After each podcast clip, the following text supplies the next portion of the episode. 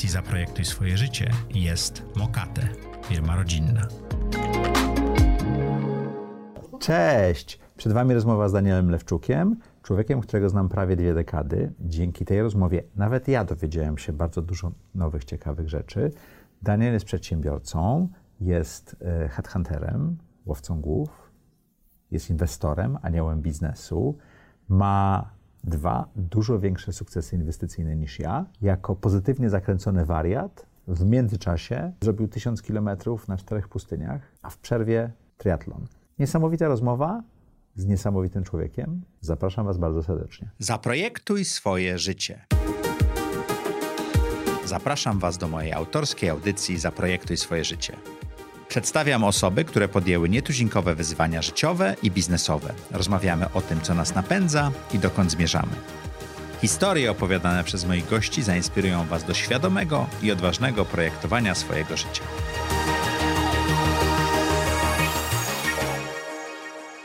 Cześć! Witajcie w kolejnym odcinku audycji Zaprojektuj swoje życie. Jak to czwartek o czwartej zapraszamy dla Was interesujących gości, zadajemy im trudne pytania, szukamy momentów, których na zakręcie lub na pustyni popełnili jakiś błąd i coś tego się nauczyli. Jeśli jesteście tutaj pierwszy raz, koniecznie wejdźcie na zaprojektujswójbiznes.pl. Odpalamy właśnie konferencję dla osób przedsiębiorczych, dla przedsiębiorców. Od pomysłu do exitu i życiu po exicie. Będą praktycy biznesu, którzy będą opowiadali o tym, jak zbudowali swoje biznesy, jak je sfinansowali. Będą specjaliści, którzy powiedzą o tym, jak dobrze sprzedać biznes. I będą ludzie, którzy sprzedali biznes i opowiedzą, jak to jest ułożyć sobie życie po exicie. Zapraszam Was bardzo serdecznie 28 maja w Warszawie w hotelu Marriott, a później afterparty. Zaprojektuj swój biznes.pl łamane przez konferencja. A dzisiejszym gościem jest Daniel Lewczuk. Dzień dobry. Z Danielem znamy się. A, 15-20 lat. No 20 to nie, bo mnie w Polsce nie było, ale fe, fe, Na- fefnaście. Naście na pewno. Fefnaście, No, tak. E, Czy pamiętasz, kiedy się spotkaliśmy pierwszy raz? So, jadąc tutaj, próbowałem odszukać w pamięci, gdzie to mogło być. Nie pamiętam miejsca, mogę sobie przypomnieć okoliczności, ale to była prawdopodobnie jedna z Twoich ról w Dellu. Okej. My żeśmy wtedy rekrutowali dla kilku technologicznych amerykańskich spółek i moją rolą czy zadaniem było troszkę obiec rynek i zrobić taki roadshow biznes developmentowy, nie wiedząc, czy osoby, które spotkam, będą naszymi kandydatami, czy może potencjalnie kiedyś w przyszłości klientami, ale też firma, w której pracowałem przez kilka lat, była cała wyposażona w sprzęt Della, w związku z tym to mógł być kolejny kontekst. Natomiast pamiętam nasze ostatnie spotkanie. Okej. I szczerze mówiąc, Ja, ja bardziej pamiętam to pierwsze, ale kiedy było ostatnie? z 6 lat temu jedliśmy śniadanie w hotelu Bristol. Bo, bo generalnie z tobą pamiętam jakąś serię śniadań, tak? Z reguły nam się zdarzały i prawdopodobnie dzisiaj, gdybyśmy wybierali miejsce, to bardziej sam niż Bristol. Ale Tak. wtedy był Bristol. Tak. I pamiętam, że zjedliśmy fajny lunch, trochę rozmawialiśmy o tym, że jesteśmy troszkę za dużymi misiami, jak na, jak, niż powinniśmy być. I tak spojrzałeś się na mój żałośnie porysowany telefon komórkowy i powiedziałeś, Daniel, tak nie może być. I trzy dni później zrobiłeś mi prezent. Wziąłem ten prezent, odebrałem w biurze, zawiozłem do domu, postawiłem na stole w jadalni i go obchodziłem wokoło. Ja tak dawno nie dostałem od nikogo prezentu, że nawet nie potrafiłem się cieszyć z przyjęcia jego. W związku z tym potrzebowałem paru dni, żeby się do tego przyzwyczaić. Nie, nie, po prostu nie, nie byłem przyzwyczajony, że coś od kogoś dostałem bezinteresownie, ale byłem bardzo przyzwyczajony, że ja komuś robię prezenty. Okej. Także, także zasiałeś spustoszenie w mojej głowie na parę dni, ale jeszcze raz Ci bardzo dziękuję za to. Sześć lat. Kurczę, nie pamiętałem, że tak długo. Tak. No, pandemia nam dużo, dużo zmieniła. Cześć! Krótka przerwa dla Was. 28 maja spotkajmy się w Warszawie, w hotelu Marriott. Konferencja Zaprojektuj swój biznes. Jeśli myślicie o tym, żeby założyć biznes, jeżeli prowadzicie firmę i chcecie ją rozwijać, jeśli chce- chcecie spotkać najlepszych specjalistów od sprzedaży biznesu w Warszawie, jakich znam, zapraszam Was bardzo serdecznie. Już 28 maja w sobotę od 10 rano mówimy, takich treści nie znajdziecie nigdzie indziej w necie ani w realu. A wieczorem po 19 idziemy na afterparty. Zapraszam Cię bardzo serdecznie. Spotkajmy się, przybijmy piątkę. No i zapomniałem Wam powiedzieć najważniejszego. Dupa ze mnie, a nie marketingowiec. Wejdźcie na zaprojektujswójbiznes.pl łamane przez konferencja. Tam przeczytacie oczywiście o prelegentach, o których mówiłem i o czym mamy mówić, ale tam też kupicie bilety. Są trzy rodzaje biletów. Bilet normalny, bilet z afterparty i bilet na kolację VIP. Te bilety są ze zniżką do końca kwietnia. Warto z niej skorzystać. Jeżeli chcecie przybić piątkę na afterparty, zapraszam Was bardzo serdecznie. A jeśli prowadzicie firmę i chcecie poznać naszych prelegentów, porozmawiać o tym, jak budować top team, jak sprzedać firmę, to ten bilet VIP może być właśnie dla Was. Zapraszam Was bardzo serdecznie. Danielu, jak do tej pory wyglądało projektowanie Twojego życia? Mam 47 lat i w, jesteś młodym chłopakiem. jestem parę lat od ciebie młodszym, cały czas czuję się młodo i, y, i, i mam nadzieję, że jeszcze dużo fajnych rzeczy przede mną. Natomiast były takie cztery punkty w moim życiu, których nie nazwałbym projektowaniem swojego życia, ale nazwałbym takim punktem głębszej refleksji. Okej. Pierwszy punkt to był chwila, kiedy rozważałem studia, czy zostać w Polsce na studiach, czy wyjechać za granicę. Drugi moment był kończąc studia, czy wrócić do Polski, czy zostać w Stanach. Bardzo kusząca opcja. Trzeci moment był po sześciu latach położyć kwity w firmie, którą bardzo lubiłem i lubiłem ludzi, z, którą, z którymi pracowałem. Ja przez sześć lat, słuchaj, 80 spotkań, procent spotkań biznes developmentowych odbyłem z Corinne Clyda, twoją koleżanką z YPO. Przez pół roku chodziłem w, w torbie z wypowiedzeniem i nie dałem rady jego złożyć, bo wiedziałem, że jej się bardzo zrobi przykro. Natomiast tarcia partnerów pomiędzy wizjami dotyczących, doty, dotyczącymi przyszłości były tak dla mnie rażące, że no nie może być tak, że jedni, trzech partnerów mówi, mamy być butikową firmą Executive Search, a dru- drudzy mówią, rozwijamy holding HR-owy. A ja nie potrafię stać w miejscu. Ja muszę wiedzieć wizję, dokąd zmierzamy. I to był taki moment, kiedy zdecydowałem się odejść z firmy i, i, i, i podjąłem to swoje. ryzyko pójść, p- pójścia na, na swoje. I wtedy też w wieku 29 lat, to, to był ten czwarty moment, ja sobie zdałem sprawę, że ja zbyt wielkiego majątku po rodzicach nie odziedziczę. I mój sukces i porażka będzie w 100% zależeć ode mnie. I sobie postawiłem cel w wieku 29 lat, żeby do 40 stać się nie- niezależnym finansowo. Udało I zacząłem ten, te 11 lat dosyć mocno ciąć na kawałki i na cele. Udało mi się to zrobić w, 30 w wieku 38 lat. Pracujesz, bo możesz. Bo Teraz. chcę, bo chcę. Bo chcesz, bo możesz, ale nie bo musisz. Tak. To jest dobre uczucie. Wiesz, to jest piękne uczucie. Ja pamiętam, pamiętam ten, ten ostatni enter ostatniego swojego kredytu i zobowiązania. Mhm. Zanim nacisnąłem ten enter, mój palec wisiał w powietrzu z 15 minut. Spłacają ten kredyt. Spłacając ten kredyt, on nie był duży. Okej. Żyłem wtedy w świecie wielu moich kolegów, którzy, za, y, którzy inwestują, którzy mówią tak, pieniądze bankowe są najtańsze. W związku z tym, jeżeli budujesz dom, a ja wtedy budowałem dom, to weź kredyt na 110% inwestycji. A ja jestem troszkę bardziej konserwatywny, no i tak dojechałem ten dom, dokąd mogłem gotówką i tylko na 20 ostatnie procent wzią, wziąłem kredyt. W związku z tym to, to były naprawdę niewielkie pieniądze. No i z perspektywy lat, no niestety ja się nie pomyliłem, ale wielu moich kolegów brali, bra, brali Franka, y, Franciszka w, y, na poziomie 2,15, a później jak urósł do 4 zł, no to przy tych To to nie był tani pie- pieniądz. olbrzymich, olbrzymich kredytach, to to było ważąca kwota. Mhm. Także to były takie cztery momenty w życiu, kiedy ja bardzo mocno musiałem y, zastanowić się, jaką decyzję podejmuję i jaką, jakie będą tego konsekwencje. W tym pierwszym przypadku, wtedy akurat, co było prawie 30 lat temu, ale na pewno 30 kilo temu, ja grałem w koszykówkę przez 10 lat. I koszyku, koszykówka pozwoliła mi dostać stypendium w Stanach, w związku z tym fortunnie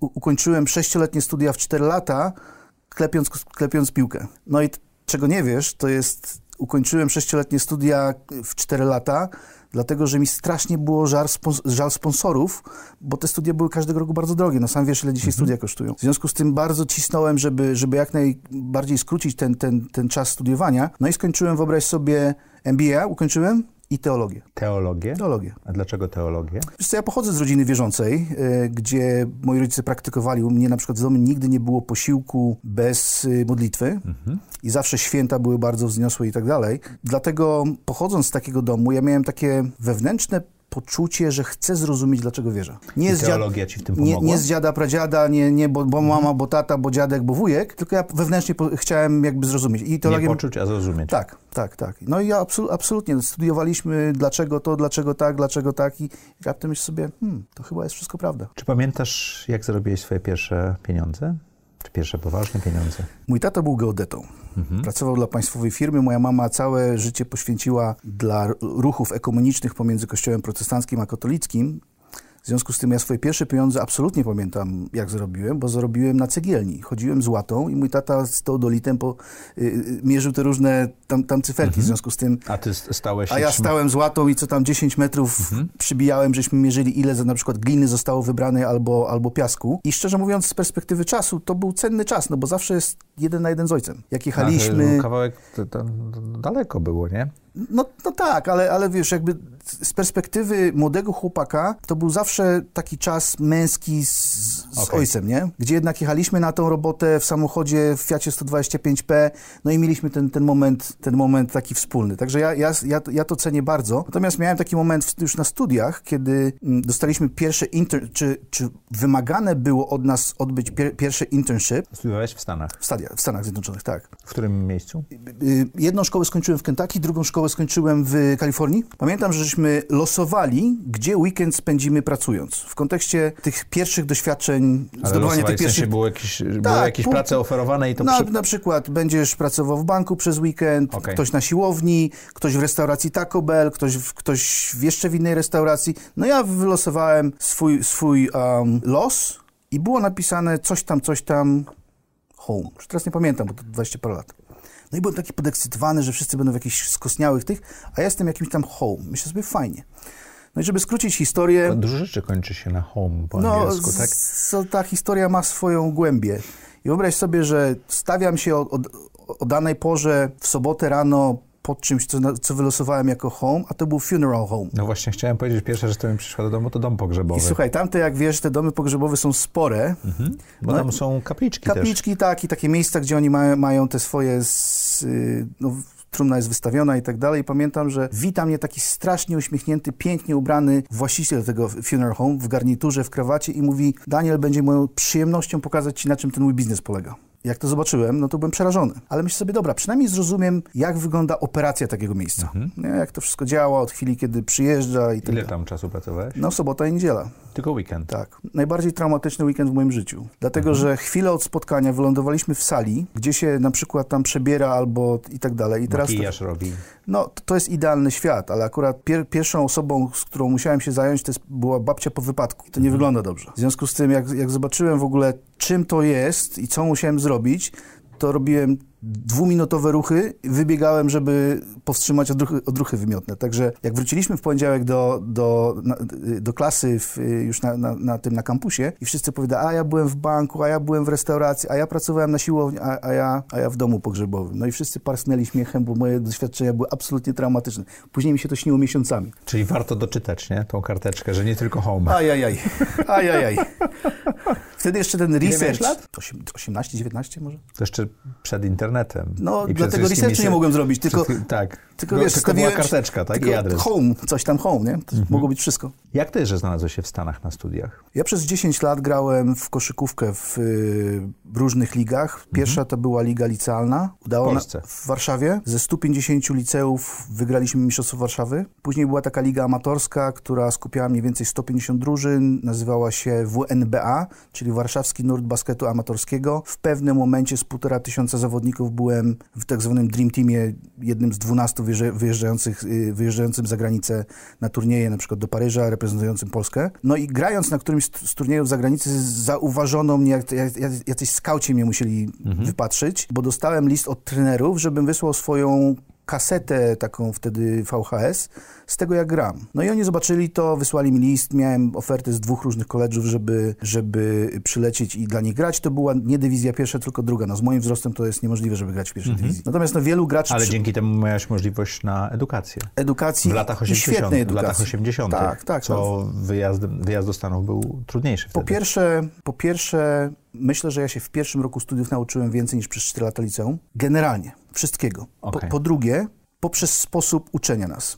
Wyobraź sobie, że mniej więcej st- studia w Stanach wyglądają tak. Co zajęcie masz kartkówkę? Profesor staje pewnie dużo z tego wiesz, staje przed nami i dzisiaj mówi na jakiś temat. Bardzo często ciekawy i w ciekawy sposób. Kończy się 45 minut czy 50 minut lekcja, on mówi, słuchajcie, na jutro przeczytajcie 7 stron z książki X i z tych 7 stron robimy kartkówkę. W związku z tym cały czas jesteśmy w trybie takim, że trochę tej wiedzy pozyskujemy, ale to nie jest wkuwanie rozdziałów na pamięć. Ale, ale prawda też jest taka, że ty tą wiedzę musisz pozyskać przed wykładem, Tak. żeby być przygotowanym, Tak a nie y, potem y, próbować zapamiętać to, co było powiedziane. To jest zupełnie inny model. Zupełnie inny model. No i, i wiesz, ja, ja na przykład jestem przekonany, że gdybym w Polsce po czterech latach miał zdać jakikolwiek egzamin, który zdałem pozytywnie, trzy miesiące później, to 95% tych egzaminów bym nie zdał, bo ja się wykuwałem na pamięć. Y, Wkuć, zapomnie, zdać, zapomnieć. A tak? tam uczą jazdy na rowerze. I mieliśmy takie kiedyś a, zajęcia, że profesor wchodzi do sali i mówi, słuchajcie, przepraszam was bardzo, 15 minut y, y, zech- zechcieliście poczekać, nasz gość się troszeczkę spóźnia. I nagle słyszymy huk niesamowity, ląduje helikopter na płycie, na płycie y, boiska tam do y, futbolu i okazało się, że to był jeden z dyrektorów giełdy y, New York Stock Exchange, który dał nam wykład z pierwszej ręki o inwestowaniu. I to jest ta różnica pomiędzy, wiesz...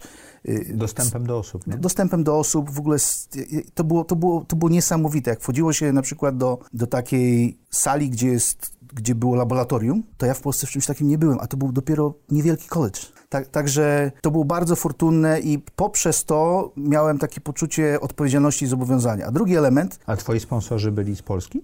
Nie, wszyscy ze Stanów. Ze Stanów. Tak. Decydując się, decydując się na, na powrót do Polski, to miało kilka elementów. No, między innymi to, że udało mi się sześcioletnie studia skrócić do czterech, sprawiło, że obciąłem dwa lata ich kosztu. A to był duży koszt, bo jeżeli dobrze pamiętam, to był wtedy 20 parę tysięcy dolarów za rok. Teraz to jest znacząco więcej. A drugi element to był taki mój, mój wewnętrzny dialog pod tytułem, czy chcę zostać z polsko brzmiącym nazwiskiem w Stanach Zjednoczonych jako, dru- jako drugoligowy obywatel, prawdopodobnie lądując w dwumilionowym Chicago, gdzie jest tyle Polaków, Z bardzo nisko zawieszonym szklanym sufitem. i często bardzo prostymi pracami, versus wziąć ten cały bagaż edukacji zagranicznej, wziąć ten język, w którym mówiłem płynnie, wrócić do Polski i być ahead of the game. Który to był rok? 90, może 9, 2000, jakoś tak.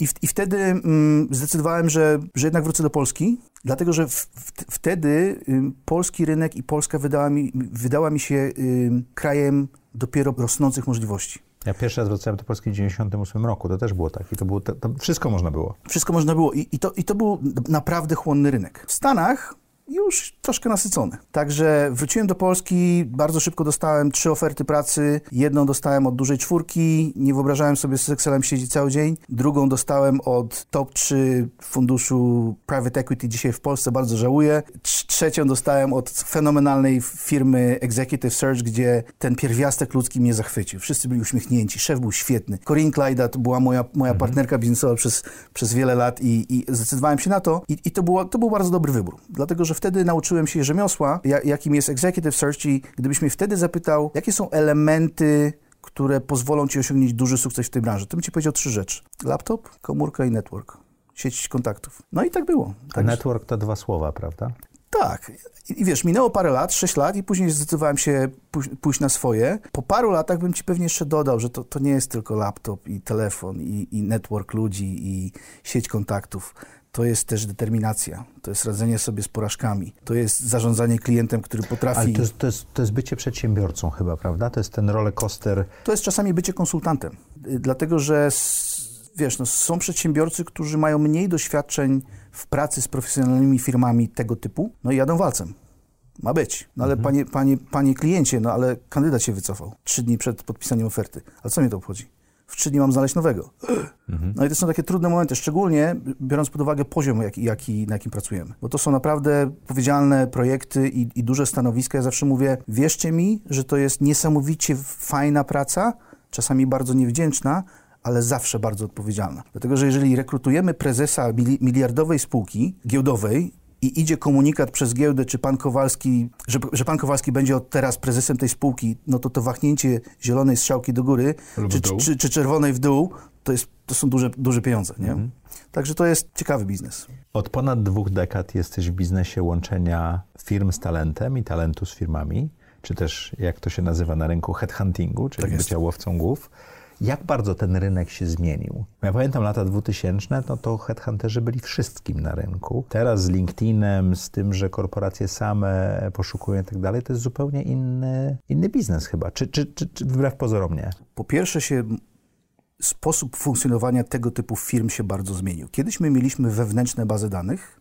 Dzisiaj jest jedna wspólna pod tytułem LinkedIn i Mhm. nie kiedyś jeszcze go potrzebujesz używali. wewnętrznej bazy. Nie potrzebujesz całej masy ludzi, którzy update'owali to wszystko, no bo dzisiaj LinkedIn update'uje się poprzez ich użytkowników. Kiedyś nie było czegoś, co się nazywa i- internet, tylko pracowaliśmy na telefonach Mhm. I na masie spotkań, prawda? i na masie spotkań, tak. Um, Kiedyś te, te bazy danych były niewielkie, dzisiaj są ogromne. Podam Ci przykład. Pomiędzy rokiem 2004 a 2009 bardzo często prześmiewczo mówiłem, że największym wyzwaniem menadżera w branży Executive Search to jest zmienić bęben w faksie od spływających zleceń. No to dzisiaj jest inaczej. Dzisiaj na 100 wysłanych e-maili fortunnie wyśle się 10 propozali, podpisze się 2-3 na 100. Czyli jak ty zaproponujesz, czy ktoś z kim zaczynasz rozmowę, to y, konwersja jest 2%, tak? 2-3%. Coś tak. takiego. Link- Taka internetowa trochę. Li- LinkedIn zabrał, zabrał ze 20% biznesu na pewno w Polsce. branży na świecie. Y, Cały czas jest y, bardzo dużo ludzi, których znam, którzy świadomie nie chcą i nie będą na LinkedInie. Dlatego, że jeżeli się jest CEO zacnej firmy, to ta ekspozycja jest na tyle duża, na przykład na, na fundacje czy stowarzyszenia, że tam bardzo często tego dużo idzie. No i no nie, trudno jest jakby tym wszystkim zarządzić, nie? W związku z tym ludzie mówią, dotąd dopóki ja jestem zadowolony z pracy, którą mam, nie chcę być widoczny, nie? Moja praca polega na tym, że kiedyś za, za, zasłynąłem z takiego zdania, że najlepszym kandydatem jest ten, który mówi nie. Dlaczego? Bo co to znaczy w praktyce? Nie, Daniel, nie jestem zainteresowany zmianą roboty. Znaczy, że jest ci dobrze tu, gdzie jest, gdzie jesteś, że prawdopodobnie masz wyniki, Prawdopodobnie jesteś dobry w tym, co robisz. Prawdopodobnie jesteś dobry. W wyniku tego, że jesteś dobry i masz wyniki, dostajesz bonus i dobre wynagrodzenie. I generalnie I firma cię dobrze traktuje? i firma cię dobrze i, i rośniesz w różnych rolach w tej firmie. Czasami, wiesz, będąc przesuwanym. To już jest inna dyskusja, czy CEO sprzed 20 lat to jest CEO dzisiaj. To jest zupełnie inny ten. A, i, czyli jeżeli kandydat mówi, nie jestem, nie jestem z, z, y, zainteresowany zmianą pracą, to to jest bardzo dobry dla mnie znak, że to jest prawdopodobnie wartościowy człowiek, który dowozi. Jak ktoś mówi, tak, to ja jutro się z panem na kawę spotkam, to myśl sobie, o, o, to pewnie nie dowozi, sfrustrowany, chce uciec, tylko szuka możliwości i powodu, żeby opuścić statek I dalej tak jest? trosz, troszkę generalizuję, ale bardzo często tak.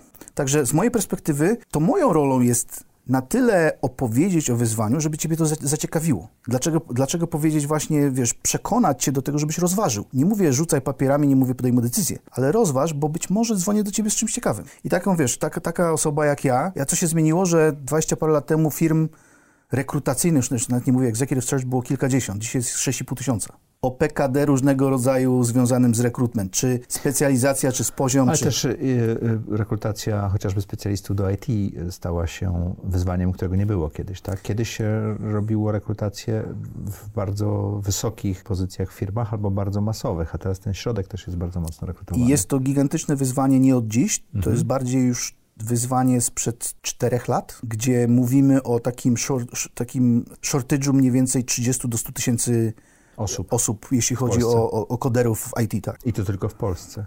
A ciekawa rzecz się dzieje dzięki pandemii, bo y, wśród moich znajomych, ja też byłem w Radzie Nadzorczej Grupy Pracy i to też widziałem, bardzo dużo osób, które właśnie programuje, przestało pracować dla polskich firm, nie ruszając tyłka z, ze swojego domu, bo nagle mogli tą pracę znaleźć na całym świecie, tak? W zeszłym roku PricewaterhouseCoopers zrobił badanie wśród swoich największych klientów związanych z pandemią. Grupa pracowników, która najbardziej tęskniła za powrotem do biura, To handlowcy? też tak myślałem. Nie? IT.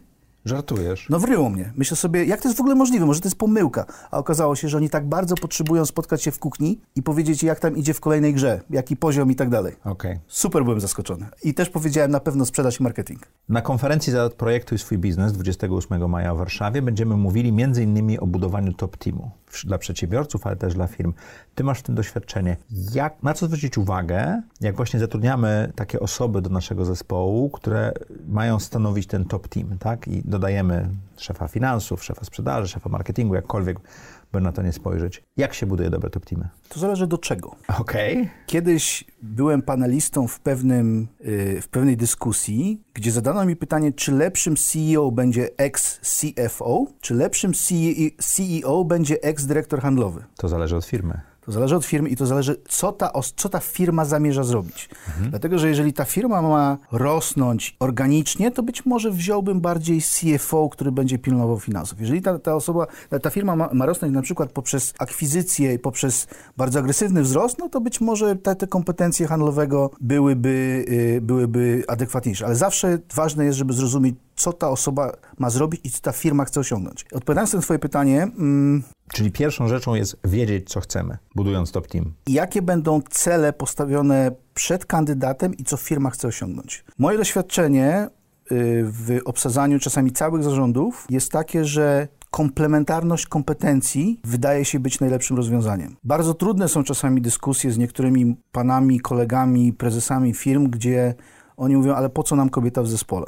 Ja bardzo wierzę w diversity inclusion. A w takie rozmowy jeszcze są w 2022 Niestety roku? są. 20 teraz? Y, tak, y, cały czas są. Są branże, gdzie po pierwsze panowie są bardzo mocno na nie. Oko, okopani? Na przykład przemysł ciężki, czytaj górnictwo. Po drugie, bardzo często kobiety trudno w ogóle znaleźć jest w strukturach zarządczych w tego typu spółkach. Inne branże są, które mają bardzo dużo kobiet i tam kariera jest ła- łatwiejsza. Także y, ja bardzo wierzę w, w to, żeby ten zarząd był bardzo zróżnicowany.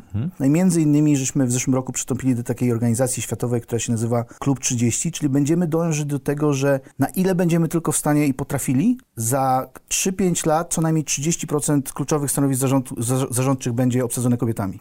Ja mam osobistą ambicję w tym i, i, i cies- cieszę się, że klienci często to do, doceniają i zauważają, że jeżeli budujemy shortlistę, czterech, pięciu kandydatów, to staje na głowie, żeby co najmniej była jedna kobieta. Bo bardzo wierzę w, w wartość tego. My, my myślimy inaczej, kobiety myślą inaczej. Także, a, a miks tego może dać naprawdę dużą wartość organizacji. Czyli wiedzieć, co się chce, komplementarne y, kompetencje, y, różnorodność. Co jeszcze w top teamie jest ważne? Bardzo ważny jest moim zdaniem um, szacunek do siebie nawzajem, takie zaufanie. Michał Szafrański ki- ki- 3, 4, 5 lat temu napisał taką książkę, która się nazywa Zaufanie jako waluta przyszłości. Tak, tutaj stoi z autografem gdzieś. I to jest, jed, ta książka jest jednym z powodów, dla których audycja powstała. No Ale pięknie, dalej. to super. Ta, także, także uważam, że tam, gdzie nie ma zaufania, tam, tam nie ma współpracy. I, I budując taki zespół, bardzo bym dużą uwagę zwrócił, czy ci ludzie ufają sobie i czy potrafią ze sobą Czyli pracować. wspólne wartości. Nie zawsze są takie same, ale przynajmniej jest szacunek do, do siebie nawzajem, dlatego że no, wiesz, tw- twoją wartością może być rodzina główną, dla kogoś innego główną wartością jest sukces w biznesie i wydacie radę ze, ze sobą pracować, tylko w określonych pewnie balansie te, tego komitmentu dla, dla firmy. Najbardziej trudna rekrutacja, którą przeprowadziłeś. Y, Szczerze mówiąc, jest ich sporo. A taka pierwsza, która przyszła ci do głowy. W przypadku jednego projektu um, rekrutacja poszła dobrze, tylko kontekst stał, się bardzo słaby. E, Jeden z, z najzamożniejszych Polaków poprosił nas o to, żebyśmy obsadzili stanowiska prezesa spółki, gdzie miał znaczący udział, jeżeli dobrze pamiętam, 30-40%. Obsadziliśmy to stanowisko człowiekiem, który miał dobre referencje i miał sukces w biznesie. I tu się stały dwie rzeczy. On tak bardzo chciał zapunktować wynikami u tego właściciela, że zatrudnił sobie kolegę, który okazał się cwanym liskiem, który podmienił uchwałę Rady Nadzorczej, pomijając już konse- konsekwencje karne, to ten właściciel na czas jakiś utracił tą swoją Te udziały. t- t- t- tą swoją pulę udziałów.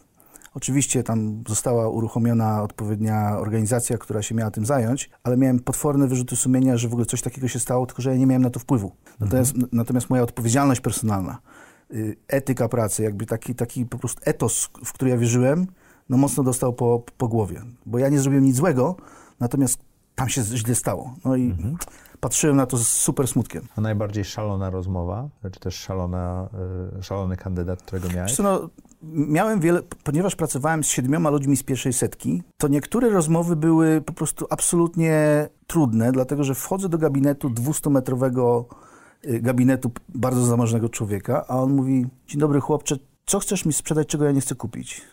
I od takiego przejechania walcem zaczęła się rozmowa. Albo inny mi pan powiedział, ale, ale Daniel, przecież ja mam takich 200 menadżerów w firmie jak ty. Jak się mu coś wysypało, to do mnie zadzwonił, żebyśmy prezesa y, jego spółki portfelowej rekrutowali. Jednak. Tak. Czyli trzeba mieć e, grubą skórę w takich rozmowach. Albo wchodzę do bardzo zacnej postaci z Forbesa 100, no i ta osoba wstaje i mówi Daniel, kawa, herbatę, blondynki, brunetki. Ja zbaraniałem, bo jeszcze przez chwilę siedziałem w holu, gdzie faktycznie blondynki i brunetki chodziły i myślę, i zastanawiałem się, czy to, czy to żart, czy nie. Także jak te, ktoś powiedział... Kawa... I, to, I to nie wiadomo, że to był żart. Tak? Właśnie i, i, tak dalej. No także zdarzają się szalone rzeczy, ale też mieliśmy taki, tak, taką rekrutację super trudną, dlatego że to był typowy greenfield. Ktoś kupił strefę ekonomiczną, wycięli las, y, zrobili doły, zaczęli stawiać fabryki, kilka fabryk. Pcim Dolny z daleka od cywilizacji. Przyleciał prywatnym samolotem właściciel pewnej brytyjskiej fir firmy FMCG. Nazwy typowali jako firmę, która miała obsadzić GMA i wszystkie stanowiska raportujące do GMA. Tam sprzedaż, marketing, finanse, HR, BHP i tak dalej. I powiedział tak, masz 6 miesięcy, żeby firma zatrudniała 350 osób i żeby 11 linii produkcyjnych hulało. End of the story. Poleciał samolotem. Dziewięć osób kluczowych managementu, któreśmy obsadzili, pracowało z baraku. Przez pierwsze 2-3 miesiące. Było... Bo, nie, bo była dziura w, w ziemi. No i przyleciał po 6 miesiącach znowu prywatnym samolotem. Ja byłem zaproszony na, na, ten, na wstęgę i mhm. udało się. A propos szalonych rzeczy. Yy, tutaj leżą książki, które napisałeś. I zrobiłeś parę szalonych rzeczy w swoim życiu. Yy, między tak. innymi przebiegłeś cztery pustynie. To jest taki ultramaraton, czy też zbiór kilku, to jest pięciu czy sześciu maratonów, prawda? Czterech razy 4, 250 kilometrów. Tak. Triatlon i tego typu rzeczy. A wchodząc tutaj na nagranie powiedziałeś, że nie pytaj mnie o to, bo ja nie lubię biegać. No bo nie lubię biegać. ale, ale... To, to, to, przepraszam, ja mam w tej chwili taki dysynchron audiowizualny. To o co chodzi? Wiesz co, no, jak widać, że nie lubię biegać. Ja, ja podziwiam ludzi, którzy wybiegają rano na 5-10 kilometrową przebieżkę. Y, to jest ich sport, oni to kochają, to jest ich hobby. Nie dyskutuję, ja Ty tego nie, nie rozumiem. Ja muszę wiedzieć, po co ja mam iść pobiegać. No to po co biegałeś tysiąc kilometrów? Bo żeby ukończyć tak szalony projekt... 250 kilometrów na czterech pustyniach. Tak, po to, żeby ukończyć tak szalony projekt, trzeba było trochę potruchtać. Natomiast bardzo wiele osób, które przeczytało tę książkę, ona mówi, Daniel, ona w ogóle nie jest o bieganiu. To jest o pokonywaniu ona nie jest o bieganiu, to prawda, to, czytałem. Tak, to jest, ona jest o pokonywaniu przeciwności, o, o wstawaniu z kolan, o radzeniu z, o bólu. Ludzie mówią, a zrobiłeś coś niesamowitego z Andrzejem i z Markiem. Ja mówię, ale pogadajmy o roku bólu, nie? Tak samo mówią sukces, tak, nas, naszej trójki, ale też tragedia po drodze. E, bo ideą było, że czterech Polaków, cztery kontynenty, cztery pustynie, czterech menadżerów. Niestety w połowie drogi straciliśmy Marcina, który był wielokrotnym maratończykiem, który był wielokrotnym mistrzem Polski w bowlingu, no ale zmagał się z chorobą, gdzie no, finał okazał się tragiczny. Nie? No i teraz dla nas to był dodatkowy jeszcze, dodatkowe wyzwanie, co robimy dalej, no bo trochę nie o to chodziło. Mhm. I teraz biegniemy pomimo, czy, robimy hard stop. No, ale zdecydowaliśmy się pobiec i myślę, że y, Marcin by sobie tego życzył. On kochał tę pustynię i bardzo chciał pobiec w trzeciej, czwartej, no ale niestety to się wszystko z, jakby poszło w nie tą stronę. A, no i my żeśmy ten projekt ukończyli faktycznie w 2014 roku jako pewnie jedna z 70 osób na świecie, którym się to udało w ciągu jednego roku. Gdyby miał powiedzieć, jaka jest lekcja wyniesiona taka z pustyni... Nawet nie muszę zadawać pytania. To, to, to, to wiesz co, to jest po pierwsze y, super fajnie jest inwestować w doświadczenia, nie w rzeczy. Bo to zostaje z nami zawsze? Bo prawdopodobnie częściowo tym projektem będę żył do końca życia i on jest, to, jest, to było bezcenne doświadczenie. Pomimo bólu. Pomimo i... bólu i tak dalej. E, czy to jest zdrowe z perspektywy człowieka, który kończył? Myślę, że nie. Zbyt duży impact na ciało, na, na ten, na, na kolana i tak dalej. No podam ci przykład. Ludzie, którzy biegacze, którzy biegają dłuższe dystanse i na przykład raz w roku przygotowują się do maratonu lub dwóch, to jest ich cel. Przebiegnięcie maratonu raz do roku lub dwóch to jest duże wyzwanie. Przy tym projekcie i wszystkich jeszcze eventach, w których startowaliśmy, przebiegliśmy mniej więcej ekwiwalent 29 w ciągu roku. W związku z tym to naprawdę było sporo, sporo bólu. Natomiast czego, czego to mnie nauczyło? Po pierwsze pokory. Pustynie są majestatycznie piękne, ale są dla ciebie polem wyzwania na każdym poziomie, który sobie możesz wyobrazić. Fizycznym. Tam, tam, w ogóle nie chodzi o bieganie. Pamiętam, że kiedyś miałeś tak, taką rozmowę, y, czy też y, wykład na ten temat i tam mówiłeś o kamieniach i tego typu rzeczach, że biegacze tak. sobie nie radzili, prawda? Wiesz co, tam jest mikstura ludzi, którzy są topowymi biegaczami świata, mhm. z, jakby sportowymi z całego świata.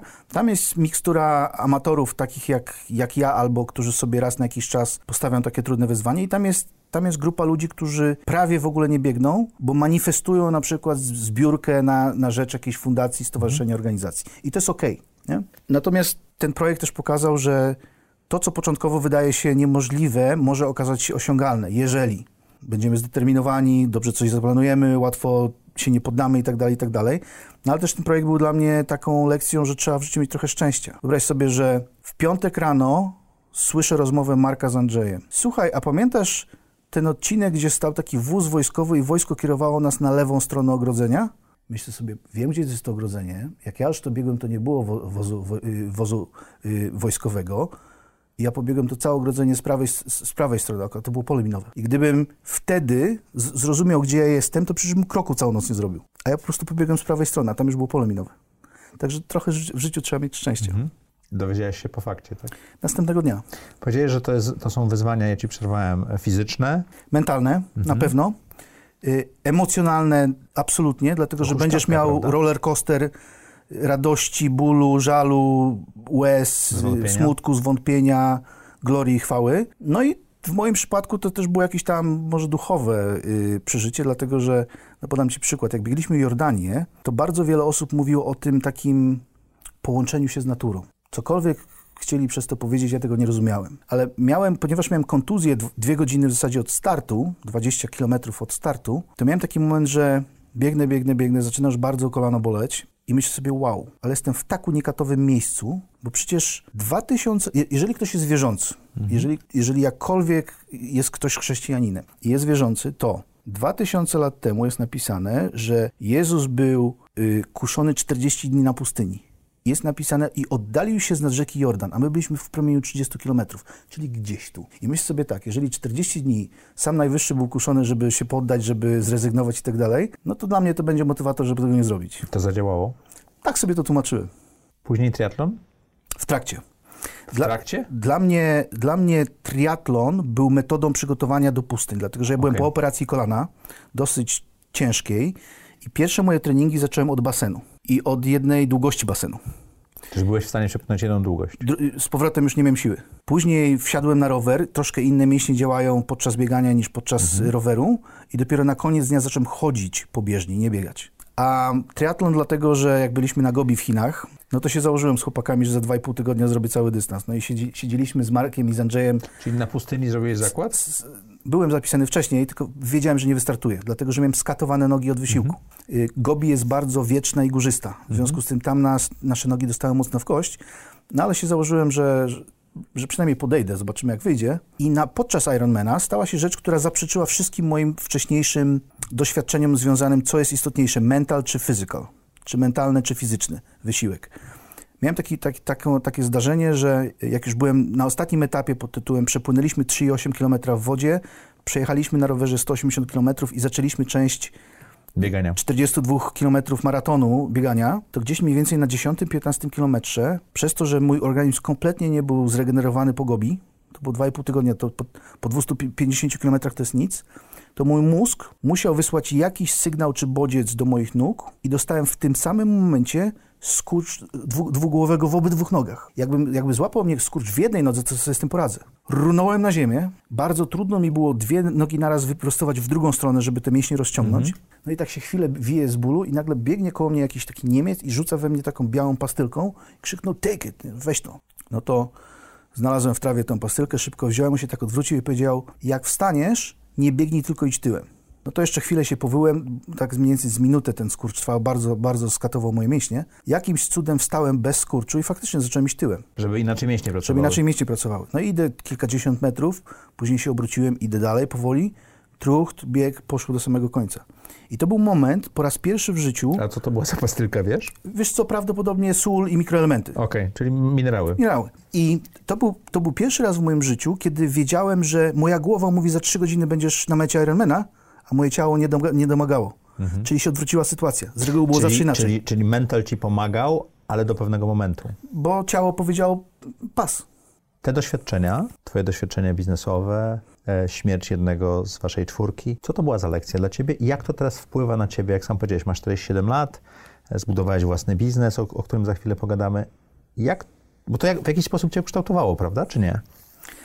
Czy to był tylko przygoda i... O tym mogę opowiadać godzinami. Natomiast takie dwie rzeczy, które jakby wybrzmiewają czasami w tym, jak wspominam to, jak ktoś mówi, że czegoś się nie da, to ja mówię, naprawdę? Trochę Pół Mocne. żartem, pół serio. Nie, ale mocne. Jeżeli to słuchacie, to ta mina Daniela była bezcenna. Dlatego, że no, no, ja nie jestem biegaczem, ja jestem po prostu dużym, dużym misiem, który prawdopodobnie powinien grać w futbol amerykański, a nie biegać długie dystanse, tak? A drugą rzeczą, którą, którą y, dowiedziałem się o sobie tak naprawdę, to jest jak bardzo wytrzymały i twardy potrafię być w sytuacjach niezwykle ekstremalnych. I tam ta lekcja jest Fizycznych? i mentalnych, i fizycznych. Dlatego, że wyobraź sobie taką sytuację. Przebiegłeś 63 km w warunkach piekła. Na atakami nie było ekspozycji na cień, tylko słońce, gorąco, wilgo, e, sucho. Wy, wyrasta przed tobą wydma wielkości Pałacu Kultury. I teraz jako menadżer musisz sobie z, zadać dwa pytania. Czy wziąć jak najwięcej suplementów, batonów, żeli, żeli energetycznych i to wszystko y, y, zjeść, żeby mieć siłę i cukier, żeby, żeby tą wydmę pokonać? Czy powstrzymać się, w- wbiec tą wyspę, wy- y, wydmę i się wynagrodzić na górze? co zrobić, nie? Także to były takie do, dosyć ciekawe y, doświadczenia, natomiast te właśnie rzeczy związane z... Aha, ja na przykład wbiegając tą wyspę w połowie padłem na kolana i mówię, nie, po prostu nie dam rady. To już jest na mnie koniec. I wtedy przypomniała mi się taka 40, y, zasada, którą, którą bardzo często mówi David Goggins. To jest taki ciemnoskóry Iron Man, były Navy SEALs, który jest dzisiaj mówcą motywacyjnym i on powiedział kiedyś takie zdanie, że jeżeli twoje ciało lub głowa mówi, że koniec, nie dasz rady, zrezygnuj, poddaj się, to jesteś w 40% tego, co tak, na, na, y, co tak naprawdę potrafisz lub na co cię stać. No ja leżę na tych kolanach, użalam się nad sobą, myślę sobie, niech mnie wielbłąd zabierze, kład, cokolwiek, ja po prostu nie mam siły.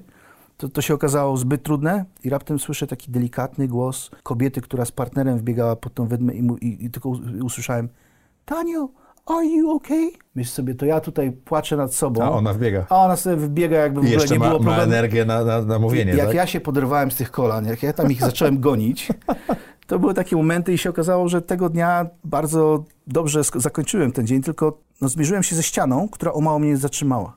Czyli y, z tymi ścianami warto negocjować, o tak bym powiedział. One są z jednego się powodu. przełamywać, tak? One są z jednego powodu, żeby cię zatrzymać. Twoją rolą jest przez nie przejść.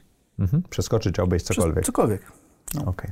Daniel, zrobiłeś swój własny biznes, bo jak sam powiedziałeś, przyjechałeś ze Stanów, pracowałeś w e, zacnych firmach i postanowiłeś zrobić swoją firmę. Zresztą, jak opisywałeś tutaj przedtem, to tych firm czy też wątków biznesowych było kilka. Możesz ten proces opisać i, i czego się nauczyłeś poprzez bycie przedsiębiorcą po byciu pracownikiem?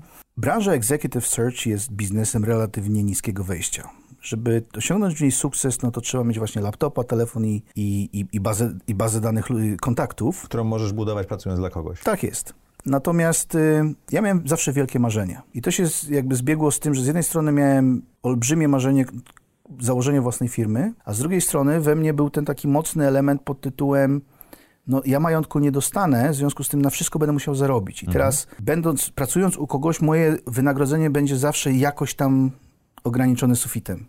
A ja tego sufitu nie chciałem mieć. I myślę, że żeby jakby sukces osiąga się w, w jeden z dwóch sposobów. Po pierwsze, fortunny rynek, y, po drugie, trochę szczęścia, ciężkiej pracy i wyszło. A, a dru, dru, druga e, skrajność jest trochę lęk przed porażką, przed tym, że się nie uda, że, że to nie wyjdzie. I w moim przypadku I to było dużo 50, ciężkiej pracy. i- a w moim przypadku to było 50-50. Bo i rynek był dobry i ten lęk, tak? I chciałem zaakceptować tak wcześnie to ryzyko. Mhm. I dla mnie Ile miałeś lat? 28 chyba, jak wystartowałem własny biznes. Natomiast y, dla mnie biznes jest trosz, troszkę katapultą. Jakby jesteśmy po to w biznesie, żeby generował zysk. Natomiast moje serducho jest w rzeczach często pozabiznesowych i ja wykorzystuję zysk firmy, żeby angażować się w projekty, które w moim przypadku albo w, w mojej ocenie mają jakieś większe znaczenie. No sam wiesz, będąc inwestorem, że od kilku lat takim super, hiper po- popularnym konceptem w inwestowaniu jest impact investments. Dla mnie olbrzymim przywilejem było, kiedy inwestowałem w Helping Hand dwa lata temu, w tą platformę związaną z terapiami online, że to jest właśnie ten typ projektu, o którym marzyłem, wierząc, że taka platforma de facto pomaga człowiekowi, y, służąc radą terapeutów i doświadczeniem i tak dalej, i tak. Także staram się inwestować w rzeczy, które, które wierzę, że mają troszkę głębsze znaczenie niż tylko świecąca się zabawka, bo to daje dużo satysfakcji. Inwestujesz w startupy. Zainwestowałeś w Golden Line, kiedy to jeszcze nie było nazywane startupami, to był 2005-2006 rok. Piąty. Senti One, parę innych firm. Zresztą nagrywaliśmy kawałek do kursu o inwestowaniu w startupy, wrócił aniołem biznesu, z jednym, jak to sam powiedzieć, dinozaurów tego, ty, ty powiedziałeś pierwszy, okay. e, rynku. Czego nauczyły cię takie inwestycje? Bo dwie z nich były rewelacyjnymi inwestycjami, dobrymi wyjściami i też dały ci pewną niezależność finansową chyba trochę Absolutnie. też, nie? Co, po pierwsze, czego mnie nauczyły? No, inwestowanie w startupy jest gigantycznym ryzykiem. Jakby nie chcę tego mhm. umniejszać, bo ludzie czasami mówią, że to nie jest takie trudne. To jest bardzo trudne. Ja jestem na, na bazie własnego doświadczenia wiem, że zainwestować w startup jest łatwo, kupić udziały jest łatwo, pytanie jest, jaka jest ich cena, ale wyjść z dużym zyskiem jest trudno. No ale miałeś zysk 30 kilku razy na y, jednej inwestycji, 50 kilku razy na drugiej inwestycji. Ale to nie jest norma. Normą okay. jest, że 9 na 10 startupów upadnie, w tym kapitał, który inwestowałeś. Także co chcę powiedzieć, że inwestowanie w startupy jest niezwykle ryzykowne. Czego się nauczyłem? Nauczyłem się, że najbardziej bol bolą roztrzaskane relacje z ludźmi. Jak się traci pieniądze, Jak to się traci relacje, prawda? Albo poprzez słabe relacje ten kapitał już idzie do piachu. Wielokrotnie bo bolało mnie dużo bardziej to, co się stało w relacji z innym człowiekiem, niż to, że tracę czy nie tracę pieniędzy. Myślę, że w kontekście doświadczeń to jest. Ja, ja inwestuję bardziej w ludzi niż w pomysły czy startupy. Tak chcę o tym myśleć i bardziej myślę o zespołach niż o founderze. Pytanie jest, czy to ma być kapitał i nasze zaangażowanie aktywne, czy nie. Daje to dużo frajdy, ale żeby naprawdę zarobić w totalu na wszystkich inwestycjach, to naprawdę nie jest takie częste. Trzeba trafić e, kilka genialnych. W Polsce mamy tych kilka genialnych coraz więcej, całe szczęście, i trzeba wspierać te wszystkie pomysły, które mają szansę na spore skalowanie i wzrost, no ale już kilka mamy naprawdę widocznych na rynku światowym. Yy, mam pytanie, bo ty mówiłeś, że to, co cię napędza, napędzało, to ta niezależność i zbudowanie swojego zaplecza finansowego i tak dalej. Czy te inwestycje ci pomogły to zrobić? Absolutnie. Znaczy, ja jestem napędzany no to... przez ciekawość przede wszystkim. We, okay. we, wszystkim. Czyli efekt y, finansowy był drugorzędny? Ym... Czy też jakimś wynikiem? A co jeżeli? A co jeżeli? A co jeżeli? A co jeżeli zdecyduję się na inwestycje? Czego mnie to nauczy? Czy, pytanie, czy czegoś? A co jeżeli wyjdzie lub nie? Natomiast lubię, lubię, to jest cytat Richarda Bransona. On kiedyś powiedział takie, takie zdanie, że jeżeli dana będzie tobie jakaś okazja czy możliwość zrobienia czegoś niesamowitego, a ty nie jesteś pewien, czy to jest dobry moment, czy potrafisz, czy, czy ty jesteś tą właściwą osobą, to podnieś rękę i powiedz wchodzę, a później zastanów się, jak to zrobić. I to stało się dla mnie taką, taką trochę dewizą życiową. Ja często o sobie myślę nieadekwatny, głupi, yy, za, nie, duży, za, za, za, duży, za gruby, yy, nie mam kasy, cokolwiek, ale podnoszę rękę i mówię, ja spróbuję. Później jestem przerażony zastanowić się, czy wyjdzie, czy nie. Często podnosisz tę rękę? Często. I często nie wychodzi. I jak to wpływa na twoją samoocenę? Wiesz co, no zawsze bije jakieś tam w moje ego, ale ja staram się patrzeć na rzeczy, wiesz, jest takie powiedzenie, że albo sometimes you fail, sometimes you learn. Czyli czasami upadasz i przegrywasz, czasami się między innymi dzięki temu uczysz. Mhm. Um, ja jestem z tym ok, że, że, rzeczy nie wychodzą. Bo ja zawsze staram się patrzeć na pozytywną tego stronę. Czego się nauczyłem? No nie wszystko w życiu nam wyjdzie. To jak zarządzasz swoim ego? Czy jak prowadzisz z nim dialog? Wiesz to jest, to jest fatalna dyskusja czasami. Tell me about it. Wiesz, to jest, to jest fat, fatalna dyskusja, no, dlatego że mamy, jesteśmy no, samcami alfa, mamy swoje ego, mamy swoje ambicje. Ja ostatnio dużo... Zrobiliśmy firmy. Zrobiliśmy firmy, wiesz. Ja ostatnio dużo czytałem odnośnie słowa ambicja. Moja żona miesiąc temu zrobiła mi niesamowity prezent, dlatego że są pewne słowa klucze dla mnie, które mnie, które po pierwsze natychmiast zwracają moją uwagę, po drugie, to są dla mnie takie triggers. Tym słowem jest na przykład ekspedycja, adventure, takie wiesz, podróże, y, ryzyko, y, unknown, ta, nie, niewiadoma. Ja mam takich, nie wiem, 8-10 słów, I gdzie, gdzie jak ja je przeczytałam, okay. I ona zrobiła mi taki piękny plakat, gdzie napisała imiona członków naszej rodziny i te wszystkie słowa. Na jednym plakacie. Na jednym plakacie. I wiesz, jak ja wchodzę czasami do domu i to widzę, i tam z jednym słów, ze słów jest ryzyko, ale też jest to ta ciekawość. To każdego dnia zastanawiam się, jak ta cieka- gdzie mnie ta ciekawość doprowadzi. Y, dwa lata temu piszę swoją czwartą książkę. Ona miała, do dzisiaj jest odłożona na półkę, ale jednym z rozdziałów była odporność psychiczna. Kiedy zamknąłem oczy i zastanowiłem się, kto będzie dla mnie takim przykładem odporności psychicznej, to wiadomo, że komandosi. No to spotkałem się z jednym gromowcem. Jak on mi odpowiedział kawałek swojej historii, dał mi swoją książkę, jak ja przeczytałem jego książkę, to otworzył się na, na, jakby dla mnie świat po, po pierwsze niesamowitych ludzi, elitarnych ludzi, o których miałem nie najlepsze zdanie, bo nie wiedziałem. Mie- troszkę myślałem takim tunelem, oceniając ich jako wojska konwencjonalne. Wysoko na drzewie uprzedzeń byłeś, Tak, prawda? tak, tak, wiesz, to, że to betony. Nie, nie, to są żołnierze jednostek specjalnych. To jest absolutnie pierwsza liga na świecie. Y, Po drugie, to mnie doprowadziło do tego, że zaprosili mnie jako cywila do bardzo unikatowego i pionierskiego szkolenia, gdzie kilkuset facetów chciało, no i tam pewnie kilkanaście kobiet. Kilkadziesiąt osób ukończyło jeden z pięciu modułów, a tylko dwunastu z nas ukończyło wszystko. Jak ja zostałem dopuszczony do świata absolutnych niesamowitych ludzi, którzy swoje doświadczenie przywieźli z Afganistanu, z Iraku i tak dalej. Jak ja zrozumiałem, co oni potrafią, to ja nabrałem tak, tak nieprawdopodobnego szacunku, jak jeszcze pomyślałem sobie, ci goście poświęcają czas, żeby mnie jeszcze czegoś nauczyć, to powiedziałem wow. Także co chcę powiedzieć, że, że wiesz, czasami te, te słowa klucze, jak na przykład ciekawość, mogą cię bardzo daleko doprowadzić. Co jestem wdzięczny, to na przykład, oprócz tego, że nie mogę za dużo mówić o tych, o tych rzeczach, których doświadczyłem, ale dzisiaj, gdybym był w Rio de Janeiro, w fawela zostałbym porwany, czy w Meksyku, czy w Panamie, czy na Kostaryce, jako biały Euro Europejczyk, przedsiębiorca, to dzisiaj troszkę więcej wiem, jak się zachować, pod tytułem, jeżeli, nie wiem, taki porywacz, czy, czy człowiek, który ma złe intencje, zadaje mi pytanie, a masz rodzinę? To czy powiedzieć prawdę, czy nie? Jak mnie zapyta, czy mam dzieci, to czy mam powiedzieć o dwójce, czy o trójce? Czy ja mam prawo mu, jemu zadać zwrotne pytanie, a ty? Czy mu patrzeć w oczy, czy nie? I wiesz, jak, jak to wszystko złożyłem, to myślę sobie, Niesamowita wiedza. niesamowite, nie? Dlatego ja często zachęcam ludzi podnieść tą rękę. Nawet jeżeli się coś nie uda, to, to nie masz bladego pojęcia, gdzie cię to może doprowadzić. Bez względu na to, kim jesteś, skąd pochodzisz i co Czyli masz. twoje ego jest, wracając do mojego pytania, twoje ego jest wytrenowane na twoją ciekawość i porażki, które z tym się o, naturalnie wiążą. I jestem z tym okej. E, Wiesz co, w moim researchu znalazłem parę ciekawych rzeczy. Z jedną z nich jest to, że wstajesz o 5 rano. To prawda. Dzisiaj na przykład byłem w klubie czwarta rano, ale moim codziennym rytmem z, z weekendami włącznie jest faktycznie, jestem zwolennikiem klubu piąta rano.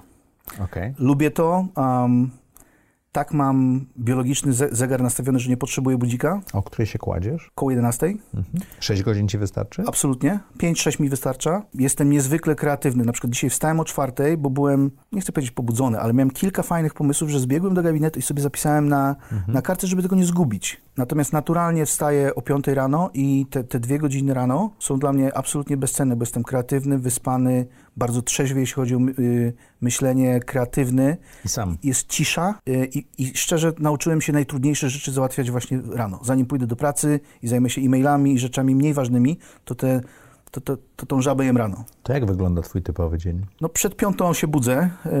Jeżeli jestem w jakimkolwiek cyklu treningowym, przygotowując się do jakiegoś wyzwania, no to między siódmą a 8.30 staram się zrobić jakiś trening. Y, Od ósmej jestem w pracy. Dla mnie niesłychanie ważnym jest y, czasem lunch. To jest w moim biznesie 95% biznesu, który kiedykolwiek wygener- wygenerowałem, to było w, w trakcie lunchu.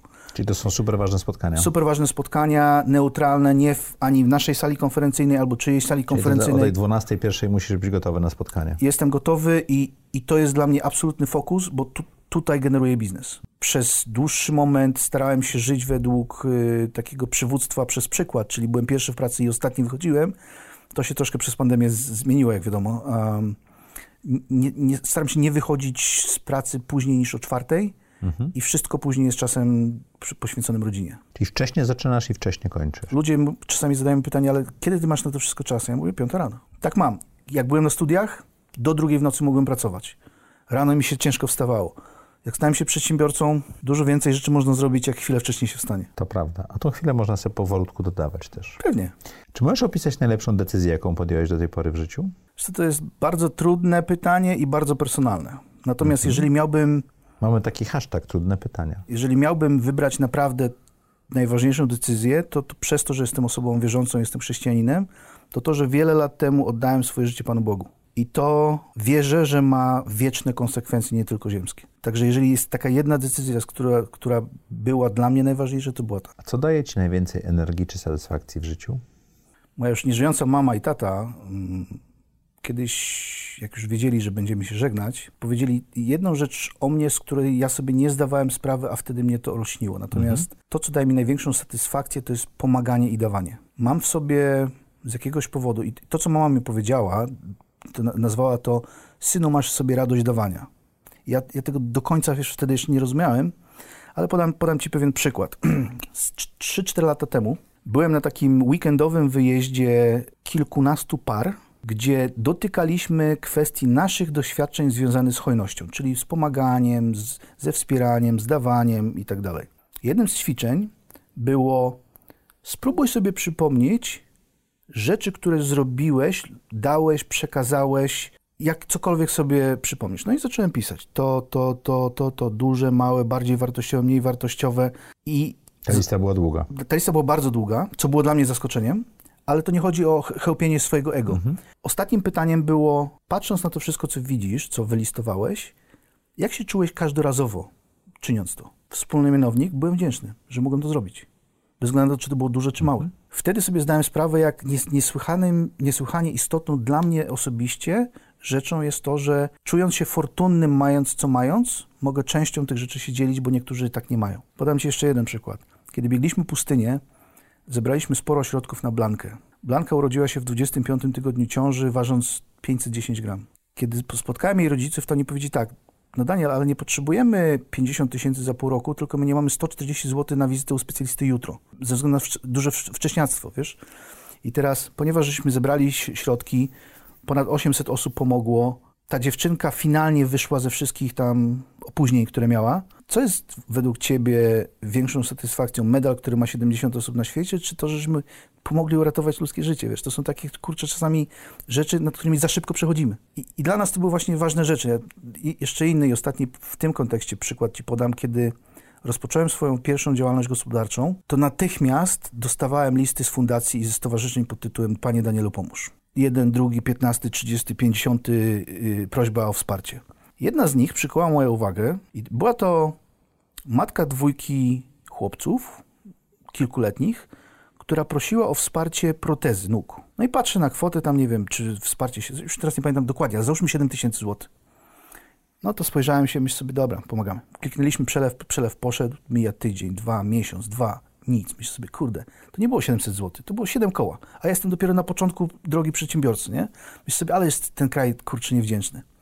Po czym dostaję taki list. Pierwsze zdanie, panie Danielu, dał mi pan życie. A okazało się, że ona od dwóch lat nie wyszła z domu przez brak protez, a te protezy pozwoliły jej normalnie funkcjonować. I teraz myślę sobie, 7 koła? Zmieniasz komuś życie. Za coś takiego? Ale wiesz, dla ciebie 7 koła to nie jest problem, bo prowadzisz firmę, tak?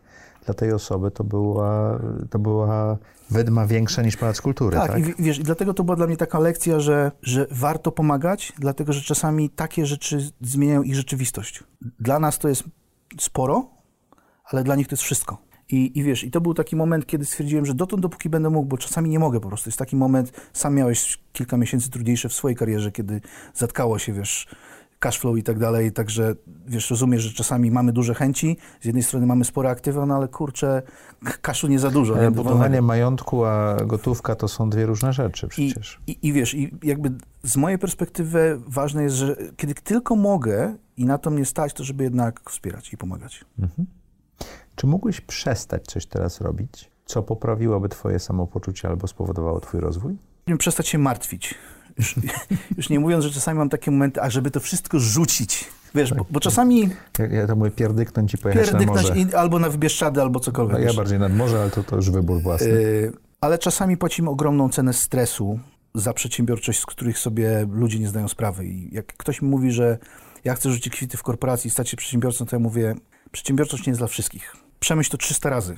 Zrób sobie dużą poduszkę finansową, pół roku minimum, zanim podejmiesz tą po, decyzję. Pół roku może nie wystarczyć moich doświadczeń. Wiesz, ko kolejna rzecz jest, e, ja mówię, czy jesteś naprawdę ok z tym, żeby funkcjonować w świecie chaosu? Czy jesteś człowiekiem orkiestrą? Będziesz robić wszystko. To wracając do tego, przestać się martwić. Tak, no przesta przestać się martwić i, i, wiesz, ponieważ tam zadałeś mi pytanie jeszcze o, o, o rozwój, to ja staram się mieć świadomy wpływ na ten rozwój. Także ja, ja po pierwsze sporo czytam, po drugie staram się być y, świadomy tego, jak wyglądają trendy i staram się pracować też nad sobą, dlatego że, mhm. jak dobrze wiesz, są różne cykle życia człowieka i życia funkcjonowania w biznesie. Ja kiedyś przeczytałem taką książkę, która się nazywa Półmetek, napisana przez Bob Bufford. Po angielsku się nazywa Halftime, po polsku jest przetłumaczona y, jako półmetek. I ona zrobiła na mnie spore wrażenie, bo ona trochę traktuje nie chcę powiedzieć o kryzysu wieku średniego, tylko o refleksjach związanych mniej więcej z tym wiekiem. Ja miałem pierwszy kryzys wieku średniego w wieku 27 lat, a później kilka jego jeszcze jakby sinusoid. Natomiast on mówi tak, w tej pierwszej czterdziestce człowiek się rodzi, zdobywa edukację, jedną, drugą, poznaje swoją drugą połówkę, zdobywa swoją pierwszą pracę, kupuje swoje pierwsze M2, kupuje pierwszy używany samochód, idzie do swojej pierwszej pracy, dużo się dzieje i później zakłada rodzinę, być może urodzi się dziecko, y, pnie się po drabinie k- kariery zawodowej, rodzice, rodzice się starzeją, kot nam umarł. To jest pierwsza czterdziestka. W tej pierwszej czterdziestce zdarzają się też trudne rzeczy. Zdarza się rozwód, zdarza się choroba osoby bliskiej, zdarzają się, ma, mamy szefa dupka, ale dobra wiadomość. Cokolwiek nam nie wyszło w tej pierwszej 40, to mamy szansę to zmienić w drugiej 40. Znaleźć lepszą pracę, fajniejszego szefa, być może lepszą partnerę, partnerkę czy partnera, zmienić coś na lepsze. Na większe mieszkanie, wybudować dom, lepszy samochód. Ale zła wiadomość, nie ma trzeciej 40. I te wszystkie rzeczy jakby skłoniły mnie do tego, żeby jednak troszkę bardziej świadomie myśleć właśnie o tym, jak wpływam na swój rozwój, co jest dla nas ważne. Kwarantanna wywaliła jakby w kosmos bardzo wiele rzeczy, które wydawały mi się jako ważne. To czego nauczyła cię pandemia? Po pierwsze stałem się nieświadomym prepsem, natychmiast kupiłem drugą lo- lodówkę i tam wszystkie, wszystkie, wszystkie Nie, rzeczy. nie pytam, co zrobiłeś, ale czego cię nauczyła. Y, Tego, co jest dla mnie bardzo ważne pod tytułem zostawiłbym dom i wszystkie zabawki, jakie mam, samochody i tak dalej. I dla mnie najważniejsza była moja żona. I dla mnie stało się to tak niesłychanie jasne, że zobaczyłem, jak niewielką wartość tak naprawdę moje serce ma w tych wszystkich rzeczach. Bardzo zatęskniłem za podróżami. Lepiej dbam o relacje z, z, rodziną w, w Polsce i za granicą, bo mam dwie siostry, jedną w Stanach, drugą w Kanadzie. Nie wrócę do tego, żeby praca i cokolwiek innego było dla mnie tak ważne, jak, jak przed, przed kwarantanną. Poza tym, no pierwszą rzecz, którą zrobiłem, to zrobiłem testament. Ja jestem akurat sierotą, w związku z tym ja w Polsce nie mam nikogo z rodziny, w związku z tym musiałem stworzyć biznesplan taki, że jeżeli cokolwiek się ze mną stanie związane z pandemią lub nie, to żeby moja żona wiedziała jakby co robić, jak reagować i tak dalej. No i ponieważ ty też inwestujesz w nieruchomości, to jak tylko się pandemia zaczęła, to zainwestowałem w swoją najtańszą nieruchomość. Mogę ci podać GPS. Rz- rząd piąty, alejka druga, poziom minus jeden. Czyli te, takie przemyślenia miałeś związane z Dlatego, że jeżeli cokolwiek by się złego stało, czego nie zakładałem, nie chciałem komuś robić kłopotu. Okej. Ale to wywołało we mnie pewien action plan. Jaką masz supermoc? dawanie. Moja żona, moja żona powiedziała, jak- kiedyś za- zapytałem ją o, o to, co myśli, ona, ja się, ja się długo zastanawiałem, co, co powinienem odpowiedzieć. Ona natychmiast powiedziała, powiedziała, że Daniel, po pierwsze, to, to jest strasznie jakby wyraźna u ciebie ta supermoc, to dawanie. Po drugie, ktoś musiałby ci zaleźć, zaleźć niesamowicie za skórę, żebyś nic z tym nie zrobił w kontekście pomocy. No, z takich przykładów w zeszłym roku dostaliśmy telefon od niebieskiej linii. Kojarzysz? Oni akurat się po kilkunastu latach przeprowadzali do nowej siedziby, no i w nowej siedzibie trzeba wszystko odremontować. No i poproszono mnie o wsparcie i pomoc, a ja pomyślałem sobie, dobra, Zadzwonię do kilku kolegów prezesów, no i zobaczymy, czy razem nie możemy więcej. Zadzwoniłem do jednego, Daniel wyśle paletę farby, drugi wyśle paletę tynku, trzeci wyśle paletę ceramiki. I raptem puh, kosztowało to mnie pewnie 10 minut rozmowy przez telefon, a W sumie. w sumie, a nowa siedziba dostała dużo wsparcia, ale nie to jest najważniejsze. Najważniejsze jest to, że niestety przez, przez pandemię ilość smutnych przypadków znacząco wzrosła. Ja nie myślałem o, o, o, pomocy materialnej, tylko ja myślałem, że ta organizacja pomaga bardzo wielu os- osobom w sposób znaczący, nie? W krytycznym momencie. w super niefajnym momencie. Nie? No i to jest znowu, mogłem zrobić z tym niewiele, a zrobiłem z tym coś i mam nadzieję, że to służy ludziom. Trzy rzeczy, które chciałbyś robić za trzy lata, to? Chciałbym bawić dziecko w ogrodzie, małe. Chciałbym więcej czasu spędzać w ciepłym kraju niż w, szarej Polsce. Jak wiesz, wielu naszych kolegów, Nagrywamy to w lutym. Jest szaro, buro i, i, Jak- jak i wiesz- straszne wiatry wieją. sporo naszych kolegów pokupowało nieruchomości w Hiszpanii, na, na Majorce i tak dalej. I bardzo mi zależy na tym, żeby kontynuować ten work-life balance. Ta pandemia to w tym pomaga, natomiast chciałbym, żeby to było bardziej taką już y, rzeczywistością po powrocie do pseudonormalności, jeżeli kiedykolwiek tak będzie. Tak, mamy tutaj trzy książki. Kuba zaraz zrobi zbliżenie. Napisałeś trzy, piszesz czwartą. Tak jest. Która z nich jest dla ciebie najbardziej ciekawa? Cztery pustynie okazały się być ogromną inspiracją dla wielu tysięcy ludzi.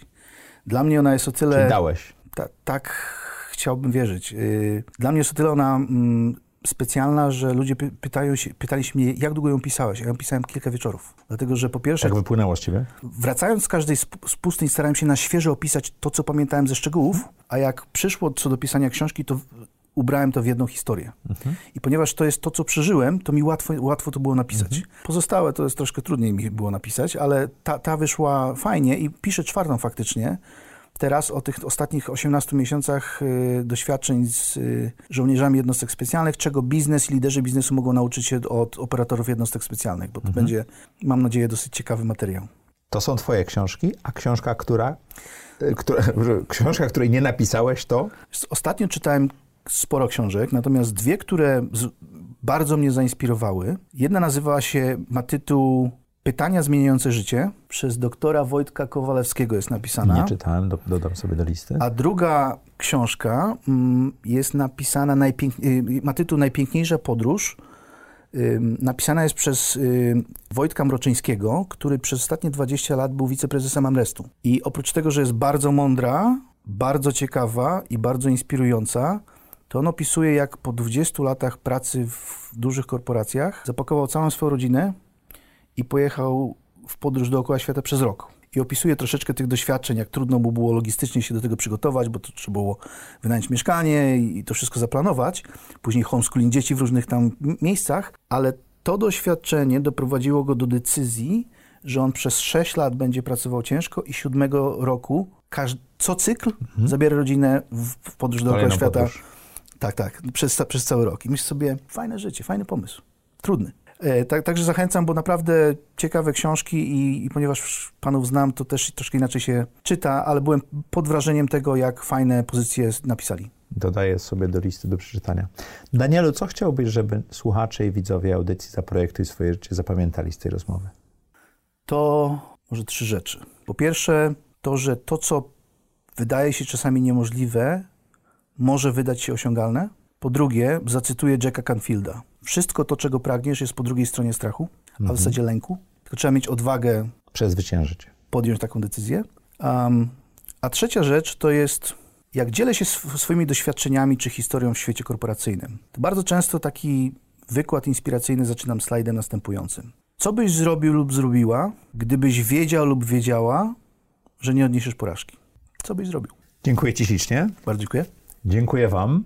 Pytanie do Was. Co byście zrobili, wiedząc, że nie możecie polec? Do zobaczenia i usłyszenia w czwartek o czwartej.